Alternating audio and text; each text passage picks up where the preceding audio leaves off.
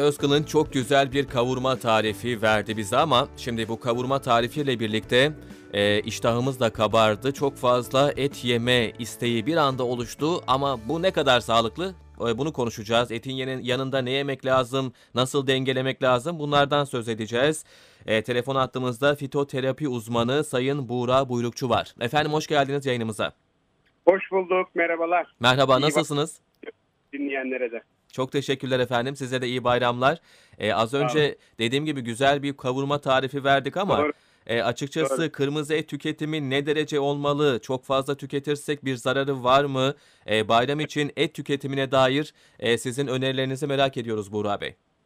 Tabii ki şimdi öncelikle eti mutlaka kaç, e, kar, e, şeysiz olarak yiyeceğiz. Yani biz ne olursa olsun her gittiğimiz yerde et de ikram edilecek ama sabah yiyeceğimiz öğüne çok dikkat etmemiz gerekiyor. Sabahleyin etin e, vereceği o yoğun proteini dengeleyebilmek amacıyla mutlaka koyu yeşil yapraklı sebzeler tüketmemiz gerekiyor ki onu dengeleyebilelim. Hmm. Mümkünse saat 5'ten önce et yememiz ve 5'ten sonra et yemememiz gerekiyor.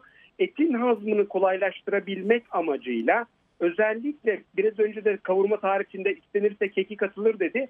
Kekik muhteşem bir bitki. Evet. Ee, kekiğin yanında biberiye özellikle safra salgısını arttırarak bizim etin yarattığı o kolesterolün ve olumsuz etkilerin temizlenmesinde çok büyük fayda sağlıyor. Bir de özellikle safra bizim için e, safra salgısının arttırılması etin içerisindeki toksik maddeler eğer varsa onun yok edilmesi için çok etkili. Onun için de acı biberi mutlaka e, öneriyoruz.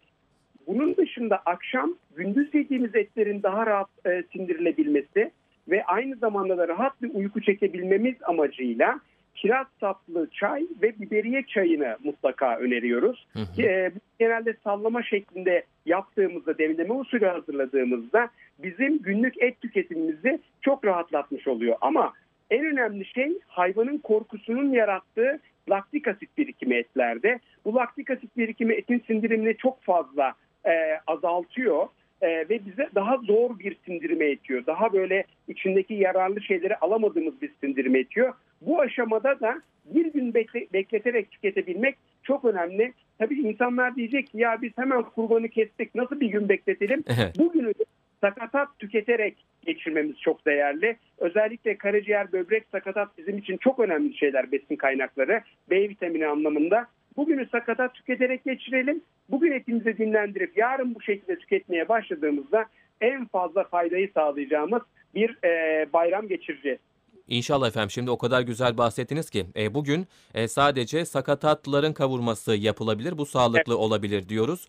E, Koyu yeşil yapraklı sebzelerden bahsettiniz. Bizler et yerken salatayı bol yaparız böyle. E, bu sadece lezzet değil aynı zamanda sağlık anlamına mı geliyor? Tabii o salatanın da nasıl olduğu önemli. Tabii tabii yani e, bu çok önemli. Özellikle koyu yeşil yapraklı sebzelerin içerisinde bulunan ve aslına bakarsanız güneşi çekerek enerjiye dönüştüren maddeler aynı zamanda etin içerisinde bizim için oldukça önemli olan proteinin sindirilmesine ön hazırlık yapıyorlar. Evet. Ve böylece hem eti çok rahat sindirebiliyoruz hem de vücudumuzdaki yaratılan çok yoğun protein alımı vücudumuzu asidik hale getiriyor. Bu asiditeyi azaltarak daha sağlıklı ve etin zarar vermeden geçirilmesini sağlıyor. Tabii zarar deyince hemen ben mangal işine gelmek istiyorum Buyurun, aslına buyurun. Çünkü burada bizim için özellikle e, mangal çok değerli ve çok fazla yapılıyor. Ama mangalda bir kere dinlendirilmiş etin pişirilmesi bizim için oldukça önemli. Hı hı. İkincisi mangalla e, yani ateşle etin mesafesini ortalama 50 ila 70 santim arasında tutmamız gerekiyor. Hmm. Çünkü mangalın yarattığı bu hızlı pişmenin etkisi aslına bakarsanız suyun çıkmaması anlamında etin daha sağlıklı, lezzetli olması anlamında çok faydalı. Ama etin dış kısmında yarattığı olumsuz etkiler de bize bir anlamda zararlı. Neden? Çünkü mangal içerisinde o yanan dumanın e, aslında çok fazla zararı var. Mesela Dünya Sağlık Örgütü'nün son yaptığı açıklamada en fazla solunumla zararlı olan ajanları koymuşlar. Bakın sigarayı bir kenara bırakırsak sigaradan sonra en fazla zararı olan şey mangal e, dumanı. Onun için de hani mangal dumanını çekmiş e, etin zararını azaltmak amacıyla da oraya 50-70 santimlik bir mesafe koymamız bizim için oldukça önemli. Bir de mangala koyacağımız ete biberiye e, kullanmamız çok önemli. Çünkü biberiye oradaki mangalın dumanındaki zararlı maddeleri çekiyor ve ondan sonra onun ete nüfuz etmesini engelliyor. Onun için de eti hazırlarken biberiyeli bir e, karışım et hazırlarsak mangalın bütün olumsuz etkilerini de ortadan kaldırmış oluyor. E, şimdi tam mangala gelmişken şunu da sorayım. Son dönemde az pişmiş, içi kıpkırmızı, dışı sadece yanmış etler oldukça moda oldu. Çok lezzetli ve sağlıklı olduğunu e, söyleyenler var ama işte bu çiğlik de ne kadar e, ölçüsü ne olmalı açıkçası? Tamamen dışını birazcık pişirip içinin tamamen çiğ kalması ne derece sağlıklı? Bunun ölçüsü ne olmalı diye sorsam. Tabii tabii. Şimdi şöyle haklısınız çok moda oldu ve hani bu aslına bakarsanız hani bir matah bir şeymiş gibi de önümüze sunulan bir şey ama Evet. maalesef ki artık beslendiğimiz ürünlerde e, hem yani e, hem büyükbaş hayvanlarda hem küçükbaş hayvanlarda çok fazla antibiyotik ve hormon kullanılmaya başladı. Daha hızlı büyümeyi. Yani otlakta o e, yetiştirilen hayvan sayısı çok azaldı. Evet. Ve bununla birlikte bizim de bunun içerisinden aldığımız aslına bakarsanız bize de olumsuz etki gösterebilecek e, bu hormonlar veya e, bütün zararlı maddeleri çiğ ette çok daha fazla alıyoruz. Şimdi etin dış kısmı çok fazla pişirildiğinde, içi çiğ kaldığında bir kere zaten çok fazla pişirmeye bağlı biraz önce anlattığım zararı alıyoruz. Hı hı. İçerisinde de eğer hayvan sağlıklı değilse, emin olmadığımız bir hayvansak gerçekten onun içerisinde, hayvanın içerisinde var olan o antibiyotikler, hormonlar bize direkt olarak geçmiş oluyor. Hele bir de biz bunu çocuğumuza yediriyorsak e, bu erken gelişim bozukluğu dediğimiz rahatsızlığın aslında bir anlamda da önünü açmış oluyor. Bir de sindirilmemiş besinin yarattığı bir faktör var. Bakın mide bağırsak sistemimizde sindirilmesi zor olan ki çiğ et zaten sindirilmesi zor olan besinlerden birisidir. Aynı şekilde yanmış et de yani kavrulmuş et de çiğ sindirilmesi çok zor olan bir besindir. Bir vücudumuzda geçirgen bağırsak hastalığı dediğimiz bir hastalığa zemin hazırlıyor. Ne demek istiyorum? Hı hı. Yani vücudumuza giren besin yoluyla aldığımız toksinler, ağır metaller, sindirilmesi zor olan meyve şekeri bile çok daha kolay içeriye giriyor. Geçirgen bağırsak hastalığı hastasıyla ve işte obezite, kilo verememe, ya su içsem yarıyor çok kolay kilo alıyorum gibi sözleri gerçekten çok daha alta zemin hazırlıyor ve çok daha kolay hale getiriyor. Evet. Bu nedenle de bizim e, bu tarz etlerden değil dengeli pişmiş en azından orta kalitede pişmiş yani çiğ et sevenler için de orta pişmiş dediğimiz o kırmızı olmayan içi pişmiş dışı da kavrulmamış etleri tüketmemiz bizim için en sağlıklı aşama oluyor. Ee, peki efendim yoğurt ya da kefir tüketimi etin yanında özellikle e, salatadan biraz bahsettik, yeşilliklerden bahsettik ama e, o da çok moda, çok fazla tüketiriz. E, bunun sağlık açısından durumu nedir? Şöyle e, aslına bakarsanız yoğurdun içerisinde de bizim için çok faydalı olan probiyotikler var. Hı hı. E, kefir ise prebiyotik yani aslında bağırsaklarımızda sindirimi kolaylaştıran gaz oluşmasına faydalı olan besinlerin e, ana besin kaynağı prebiyotikler, kefirler. Evet. Şimdi bir etle birlikte yoğurdu tükettiğimizde iki protein kaynağını aynı anda aldığımız için aslında vücudumuzu çok ciddi şekilde zorluyoruz. Onun Hmm. için de eti bu kadar yoğun e, yediğimiz aşamalarda yoğurdu biraz daha dengeli tüketmemiz ve ete göre en az 2 saat öncesinde prebiyotikler yani kefir veya buna benzer şeyleri e, içmemiz bizim için çok daha sağlıklı olacak. Ayranı ben burada genelde öneriyorum. Özellikle yaz döneminde de olduğumuz için Hı. ayran çok daha fazla hem sulandırılmış olduğu için hem protein dengesi daha rahat olduğu için bize çok daha faydalı olacaktır. E, mutlaka bir şey tüketiyorsak bunu ayran lehine kullanmamız çok daha fay- faydalı olacaktır. Hele bir de bunu naneli hazırlarsak nane biliyorsunuz sindirimi de kolaylaştıran esansiyel bir e, yağ içeren çok faydalı bir şey. E, naneyi de beraberinde koyduğumuzda hem onun rahiyası hem de sindirimi kolaylaştırması anlamında özellikle midede e, yoğun asitliğiyle birlikte sindirimi kolaylaştırması anlamında çok büyük fayda sağlayacaktır. Ancak burada hemen şunu söylemek istiyorum. Biz e, yoğun etle birlikte genelde bayram olduğu için tatlı da tüketiyoruz. E, Evet. Baklavalar, Doğru. işte e, gittiğimiz yerde şeyler falan. Hakikaten bu aşamada işte bizim aslına bakarsanız en büyük sıkıntımız burada başlıyor. Eğer Hı bir etten hemen sonra tatlı yersek e, iki tane yoğun hem karbonhidrat hem proteini vermiş oluyoruz ve o geceyi muhtemelen çok uykusuz e, ve çok böyle sıkıntılı e, ve bildiğimiz için de çok sorunlu geçirmiş olacağız. Onun için de tatlı yemek istiyorsak bunu mümkünse etten 2-3 saat önce yiyelim veya Hı hı. akşam özellikle tatlı yemeden et yemezsek eğer tatlıyı tercih edebiliriz. Yani ikisinden birisini tercih edelim. Arasına da ben genelde mesela tatları öğlen yemeği daha çok tercih ediyorum. Akşama doğru da eti yiyeceksem de sonrasında bir şey yemiyorum. Onun için de tatlı ve et dengesinde bu aşamada iyi kurgulamak gerekiyor. Kesinlikle efendim. Şimdi tatlı yedik, et yedik. E, yaz aylarındayız. Az önce ayrandan bahsettiniz. E, sıvı tüketimi de oldukça önemli diye düşünüyorum.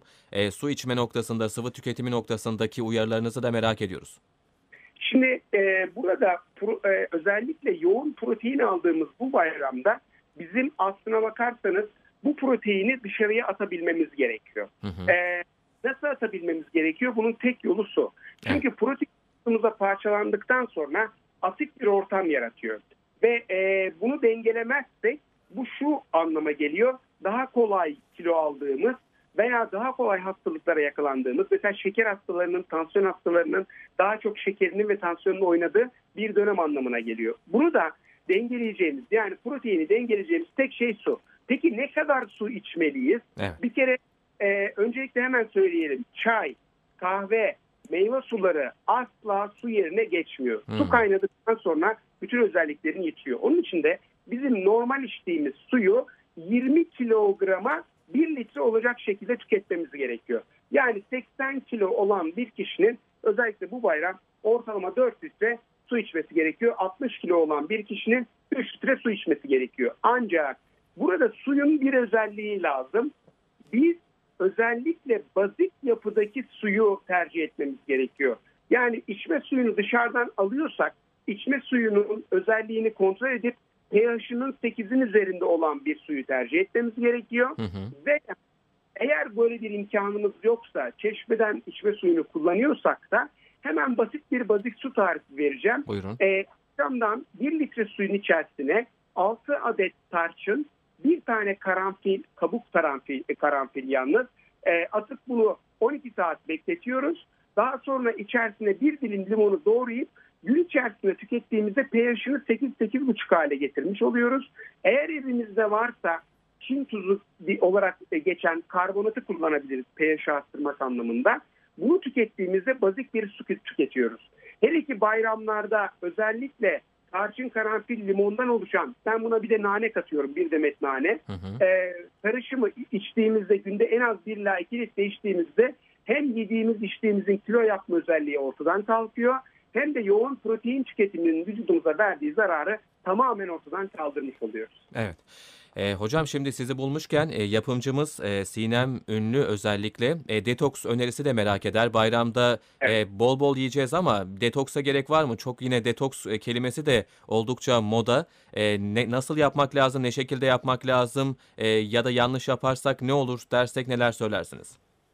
Şimdi e, gerçekten dediğiniz gibi detoks çok fazla moda Hı hı. ve maalesef ki internette de e, çok fazla detoksla ilgili sıkıntılı şeyler dolaşıyor ve detoks yapan yaparken insanlar vücuduna zarar veriyorlar. Hı hı. Bir kere bayramın bayram olarak geçebilmesi için detokstan veya işte diyetten ondan bundan uzak duralım. Evet. Bayramı bayram yaşayabilmek için gönlümüzce istediğimiz her şeyi yiyelim.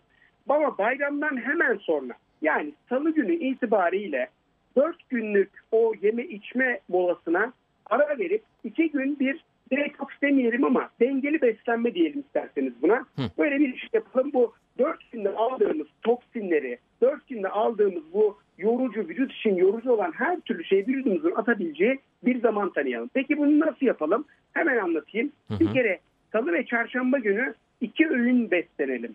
Mesela sabah kahvaltısını 10-11 gibi yapalım. Eğer çalışan bir kişiysek sabah kahvaltısını öğle yemeğine taşıyalım. Hmm. Yani 12'de. Dolayısıyla sabahleyin hiçbir şey yemeyelim. Sabah kahvaltısında ne yiyelim? Ee, domates dışında çiğ domates yemeyeceğiz bakın.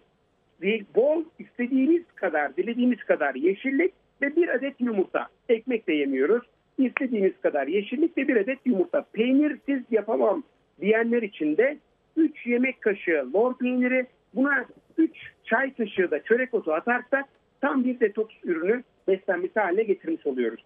Akşam ise e, elimizde et olduğu için yani kurban bayramından çıktığımız için Hı hı. ortalama bir yemek tabağı kadar et veya bunun yerine bir kase yoğurt ve bol yeşillikli salata yine çiğ domates yok. Bol yeşillikli salata tüketelim. iki öğün beslenelim. İki gün böyle beslediğimizde bayram boyunca aldığımız kiloları da vereceğiz. Çok hızlı dışarıya atacağız. Hemen bizi e, dinleyenler diyecek ki hocam neden domates yok? Evet. Bakın domates özellikle çok güzel bir besindir. Şimdi bir de tarladan çıkıyor muhteşem tadı oluyor. Ancak hem kabuğunda hem de içerisinde likopen diye bir madde var. Aslında faydalı bir madde Evet. ama bağırsak duvarını uyardığı ve maalesef buradan yarattığı etkiyle vücudumuzda biriken toksini atmamıza engel oluyor. Hı hı. Onun için de çiğ domatesi bu aşamada tüketmiyoruz. Salı çarşamba bu şekilde beslenip kilograma 20, e, 1 litre olacak e, 20 kilograma 1 litre olacak şekilde su tüket- tükettiğimizde Hı hı. biraz önce verdiğim detoks suyunu da hele tüketirsek Evet. iki gün içerisinde tam anlamıyla bir detoks yapmış ve bütün kilolarımızı vermiş oluruz. Harika hocam. Şimdi bayram e, bayram içinde ve sonrasında e, önerileriniz muhteşemdi. E, normal günlerde nasıl neler yapacağız? Bunu da bir başka programda ben konuşmak istiyorum açıkçası. Kah- ki, kahvaltı evet, evet. önerilerinizi de çok merak ediyorum. Ama programımızın şimdilik sonuna geldik hocam. Çok teşekkürler. E, ağzınıza sağlık. Sağ olun çok teşekkürler. Herkese iyi bayramlar. Tekrar. Çok sağ olun hocam. Size de iyi bayramlar. Hoşçakalın.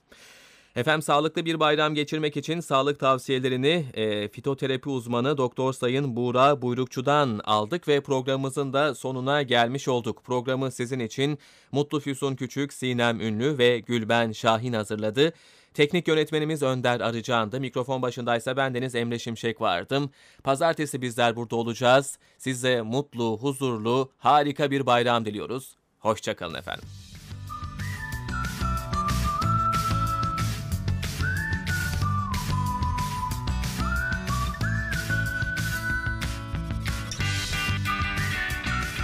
Anne, Baba, çocuk, Bazen bir bebek, belki evde bir dede, anneanne, babaanne. sen, ben, biz. Hepimiz bir aileyiz. Hepimizin hikayesinin başladığı yerdeyiz. Ailece